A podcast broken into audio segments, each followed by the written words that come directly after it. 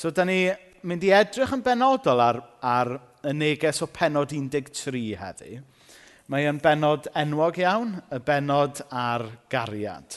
Felly 1 Corinthiaid 13. Os dwi'n siarad ieithodd diethyr, neu hyd yn oed iaith angylion, heb gariad, dwi'n ddim byd ond jar metal swnllid, neu sŵn symbol yn cael ei daro. Falle fod gen i'r ddawn i broffwydo a'r gallu i blymio'r dirgelon dyfnaf neu'r wybodaeth i esbonio popeth. Falle bod gen i ddigon o ffydd i symud mynyddoedd, ond heb gariad, dwi'n dda i ddim. Falle mod i'n fodlon rhannu'r cwbl sydd gen i gyda'r tlodion, neu hyd yn oed yn fodlon marw dros y ffydd, ond heb gariad, dwi'n ennill dim. Mae cariad yn amyneddgar. Mae cariad yn garedig. Dydy cariad ddim yn cenfu cenni, ddim yn brolio ei hun, nac yn llawn ohono ei hun. Dydy cariad ddim yn gwneud pethau anweddus, nac ymynnu ei ffordd ei hun drwy'r adeg.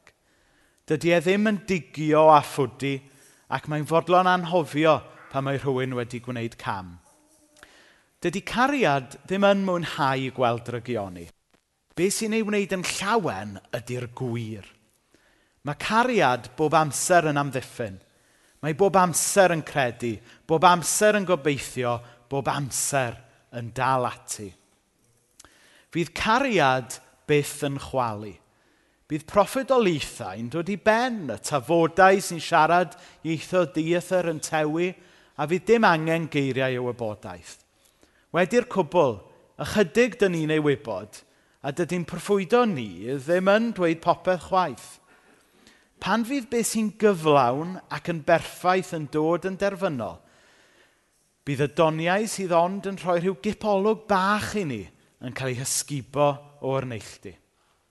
Pan oeddwn ni'n blentyn, roeddwn ni'n siarad iaith plentyn, y meddwl fel plentyn, a deall plentyn oedd gen ni.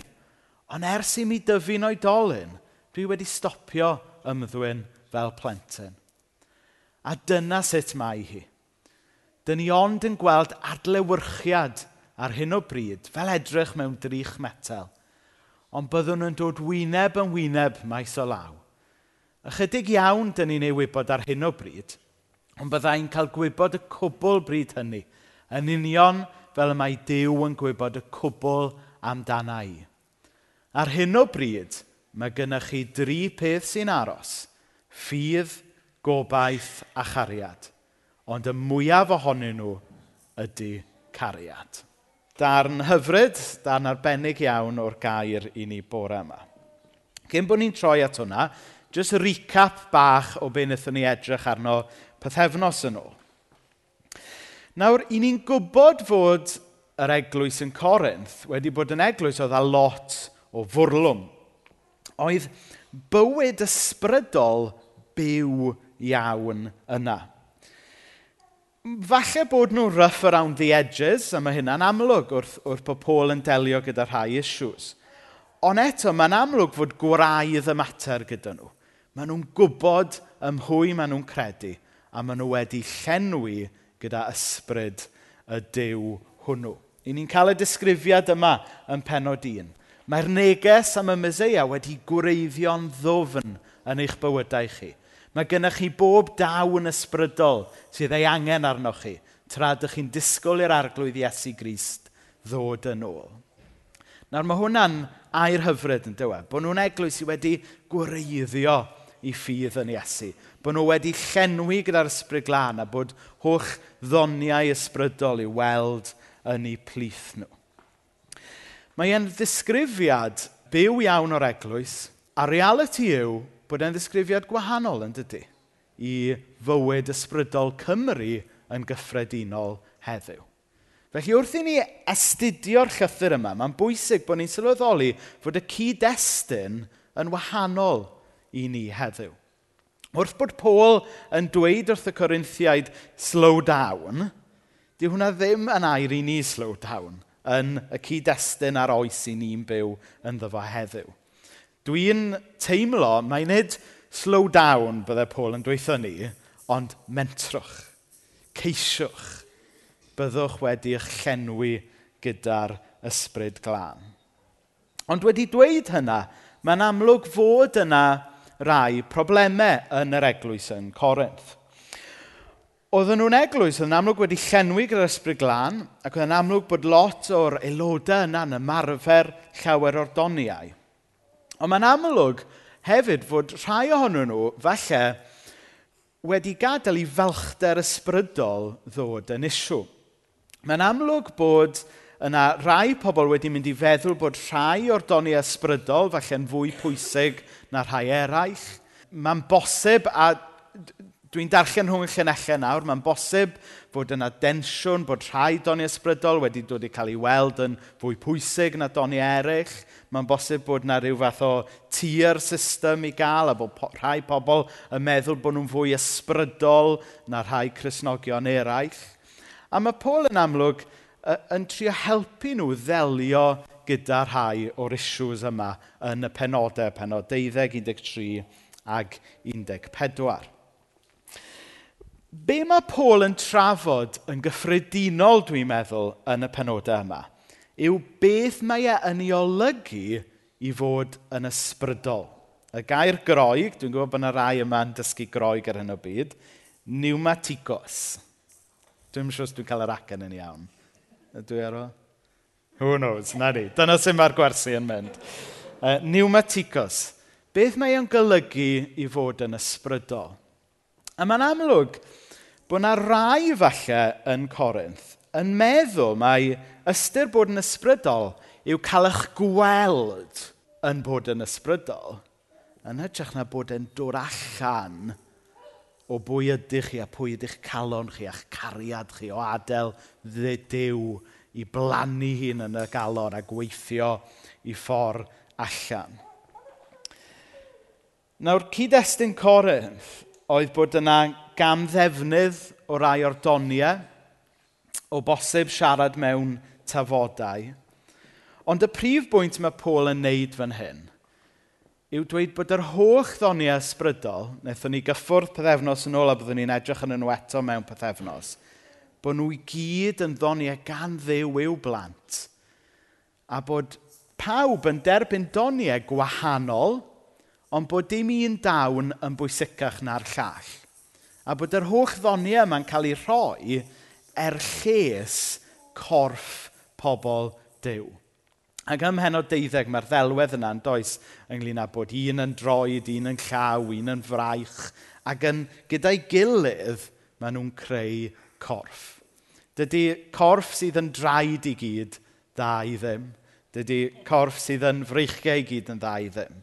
Ond mae'r gwahanol rannau o'r corff yn dydyn yn creu person cyfan.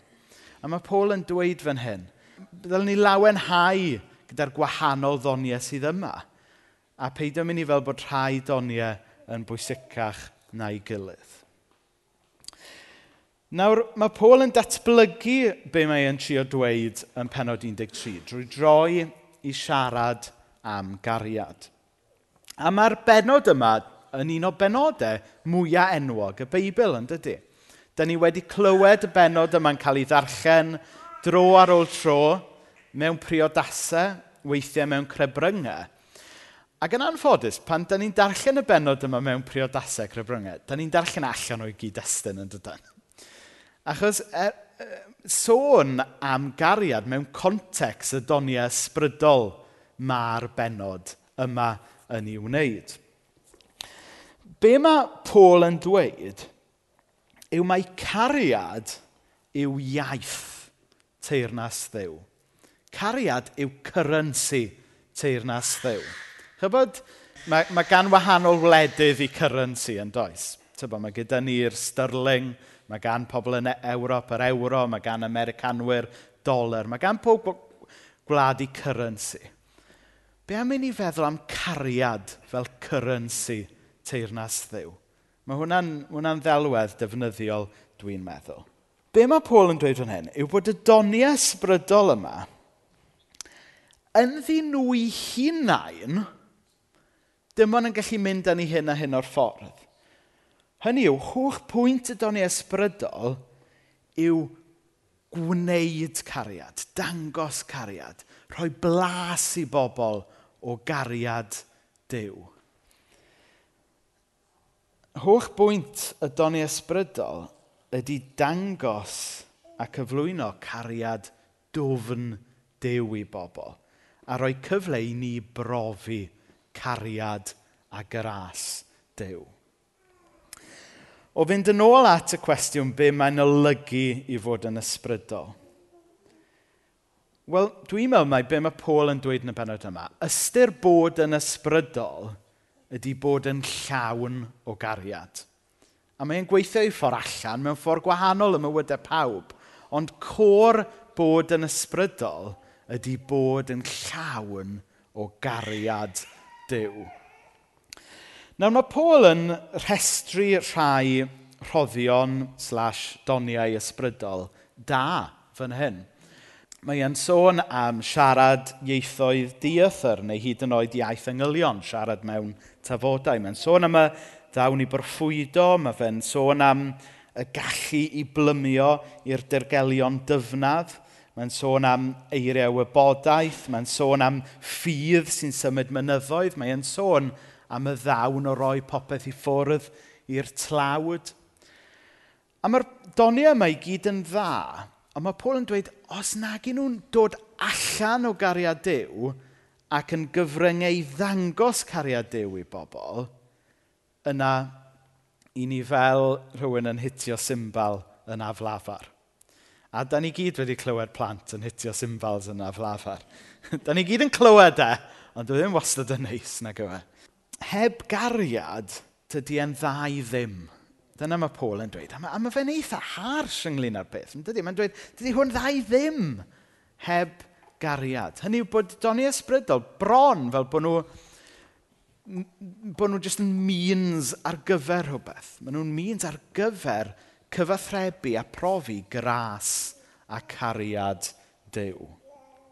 A wedyn mae Paul yn mynd mlaen dydy i, i roi rhai o nodweddion cariad i ni. Bod yn ameneddgar, bod yn garedig, ddim yn cenfigenu, ddim yn brolio ei hun, nac yn llawn ohono ei hun. Ddim yn gwneud pethau anweddus, ddim yn mynnu ffordd drwy'r adeg, ddim yn digio a pwdi. Bodlon anhofio pan mae rhywun yn gwneud cam. Ddim yn mwynhau gweld drygioni, ond be sy'n ein llawen ydy'r gwir. Bob amser yn amddiffyn, yn credu, yn gobeithio, yn dal ati. Dyma yw nodweddion cariad. A beth sy'n, beth dwi'n gweld yn ddiddorol ynglyn â'r rhestr yna o nodweddion cariad yw bod, bod nhw ddim yn gymaint ynglyn â beth ni'n neud, ond bod nhw i wneud â'n cymeriad a'n mindset ni. Chybod, weithiau, weithiau, dwi'n gwybod chi wedi cael y profiad, dwi sicr yn eog ohono fe, o fel trio plesio rhywun – i'r pwynt nes mae discalon y peth wedi mynd. Dwi'n fi'n meddwl? Dwi e ddim gymaint yn byd ni'n neud. Mae ynglyn â ydy e'n dod o fan hyn. Mae e'n dod allan o'n cymeriad ni. A Dyw sy'n plannu y cariad yna yno ni.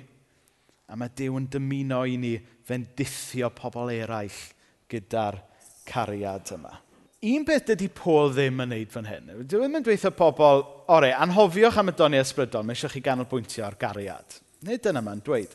Yr holl pwynt yw, mae'r doni ysbrydol yma yna fel tools i helpu chi brofi cariad Dyw ac wedyn rhannu a ministro cariad Dyw gyda pobl eraill. A, a mae yna rhai pobl yn meddwl, wel na, da ni ddim yn neud y pethau yna da ni'n canolbwyntio ar cariad Dyw. Ond mae hwnna'n methu'r pwynt. Hoch pwynt y doni ysbrydol yma yw bod yn gyfryngau i brofi a rhannu cariad Dyw. Ac beth mae e'n dweud yw bod eisiau nhw ddarganfod gwir bwrpas y doni ysbrydol, sef profi a rhannu cariad Dyw. Ac oedd yn amlwg bod rhai o'n nhw'n drist iawn yn Corinth, wedi mynd i feddwl am y don ysbrydol, falle mewn termau perfformiad. Falle mewn termau cael ei gweld yn neud pethau mawr. Ond wedi anhofio mai tools oedd rhain i brofi a rhannu cariad Dyw. A dwi wedi dod a prop gyda fi bore yma i ddelweddu hyn yn well. Nawr, jyst cyn i'r oedfa ddechrau, o'n i'n sylwi bod rhywun wedi symud toolbox fi. So o'n i'n panic o bod fi wedi colli So, fi wedi dod â toolbox gyda fi bore yma. Um, dyna ni.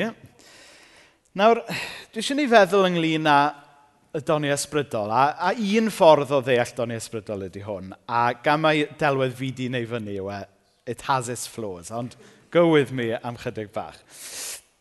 Mae gen i fox o dŵls fan hyn, ac ynddo fe hun, dydy'r box o tools, da i ddim byd. A da ni gyd â box o tools yn dydyn, sy'n ista yn y shed a falle'n rhydu. Neu mae tools yn ddyn nhw hunain ddim yn gallu gwneud dim byd. Mae rhaid dysgu defnyddio nhw. Mae rhaid ymarfer nhw. A beth chi'n gallu wneud gyda'r tools ydy beth sy'n exciting mewn gwirionedd. Mae yna rai dynion, does sy'n prawd iawn o'r, or power drill sydd gyda nhw'n y shed. Ond os chi ddim yn defnyddio'r power drill, Yna beth yw pwynt cael e yn y sied o gwbl? Mae rhaid dysgu defnyddio tools a gwybod pa tools sy'n dda i ba dasg, yn dyfa. So, cymerwch chi nawr, mae gyda fi rhyw ordd bach fan hyn. Mae o'n drwm iawn. Ti eisiau gweld pa mae'r drwm ydi o, Aled? Paid da gochon o'n ar. Mae'n reit drwm, dydy? Ydy. So, so dyma chi ordd. Nawr, un peth ydy cael gordd, ond rhywbeth arall ydy dysgu sut yw ddefnyddio fe a lle yw ddefnyddio fe. Os dwi eisiau wneud rhyw waith delicate, yna dwi ddim yn defnyddio hwn, na. Ond, os dwi eisiau torri trwy wal goncrit, yna dwi yn defnyddio hwn. Mae yna gwahanol dŵls ar gyfer gwahanol dasgau. Os, os oes gennau sgriw flathead yna fydd y, fydd y screwdriver Phillips ddim lot o help. Mae yna gwahanol dŵls ar gyfer gwahanol dasgau. A dwi'n meddwl, be bynnag, bod hwn yn ddelwedd da i ni feddwl ynglyn â'r doniau ysbrydol. I ddechrau, mae Dyw yn rhoi doniau ysbrydol i ni. Gret. Briliant. Ond wedyn, mewn ffydd a gyda'n gilydd, i ni'n wedyn angen dysgu sut mae defnyddio y tools yma mewn gwahanol lefydd a gwahanol dasgs ym mywyd yr eglwys ac er lles y byd. A mae'n bosib mae un o broblemau oedd yn digwydd yn Corinth oedd bod yna un aelod oedd wedi ddonio gyda'r ordd yn mynd at rhywbeth, actually, oedd jyst angen screwdriver bach. A chybod, yn y frwydr, yn y bywyd ysbrydol, weithiau mae angen gorff, yn does, i weithio trwy rhywbeth anodd falle. I weithio trwy rhyw pechod neu rhyw sefyllfa stwbwrn. Ond chi'n gwybod, pan mae calon rhywun wedi brifo, falle bod angen tŵl bach delicate, yn does, i helpu'r person yna weithio trwy y broblem neu'r sefyllfa maen nhw ynddo. Mae Dyw wedi rhoi gwahanol ddoniau i'w eglwys ar gyfer gwahanol sefyllfaoedd, ar gyfer gwahanol amser, er mwyn i ni gyda'n gilydd brofi a rhannu cariad Iesu Grist. Felly gobeithio bod y, y ddelwedd yna yn helpu ni wrth i ni feddwl ynglyn â'r doni ysbrydol. Nawr, dwi, dwi jyst am um, orffen bore yma drwy ddweud hyn. A byddwn ni'n dod nôl at y pwnc yma mewn pethefnos. Dydyn ni ddim wedi gorffen trafod y pwnc. Nawr, mae'r cariad yma mae Paul yn, yn siarad amdano fe yn y benod yma, yn gariad sy'n werth i brofi yn dydy. Pan o'n i yn wneud y darlleniad fyna, o'n i'n clywed groans o'r gynulleidfa fan hyn. Hmm, yeah. Mae hwn y math o gariad dan ni isio. Mae hwn y math o gariad mae'r byd heddiw isio yn dydy. A falle bod chi wedi cyrraedd yma bore yma wedi blino. Falle bod chi'n llythrenol wedi blino. O'n i'n rhannu efo um, rhai ohonych chi bore yma. Mae cadog bach wedi cael anwyd dros y dyddiau diwetha, felly, felly dwi, wel, mae mena fyny pob nos chwarae teg, ond dwi hefyd wedi bod fyny nawr. A, so falle bod rhai ohonoch chi fel fi wedi blino'n llythrenol. Falle bod, bod chi wedi blino ar wleidyddiaeth gyda'r holl sôn am yr etholiadau yma, lle bod chi wedi blino gyda'r holl drais yn y byd sydd wedi dangos i hun eto yn Llundain neithiwr. Felly bod chi wedi blino a'r chwilio am wir gariad. Wel, yn Iesu, i ni yn gweld ac yn gallu profi cariad go iawn. Mae'r cariad yma sy'n cael ei ddisgrifio gan Paul – i weld yn ei berffeithrwydd ym mherson Iesu Grist. Iesu Grist yw cariad. Dyw cariad yw. Da ni gyd yn cofio'r adnod yna ers bod ni'n blant. Iesu yw'r ymgnawdoliad o be ydy cariad. Felly, drwy wahodd yr ysbryd glân ni'n llenwi ni gyda'i ysbryd – i ni ddarganfod y doniau a dysgu sut i defnyddio nhw. Gadewch i ni garu yn gilydd drwy ddefnyddio'r doniau yma. Gadewch i ni garu cymydog a caru'r byd gyda'r doniau yma. Ond i ni ddeall, mae'r allwedd i ddeall a defnyddio'r doniau yma yw adnabod awdur y cariad a'r doniau yma i hun, sef Iesu Grist. Amen.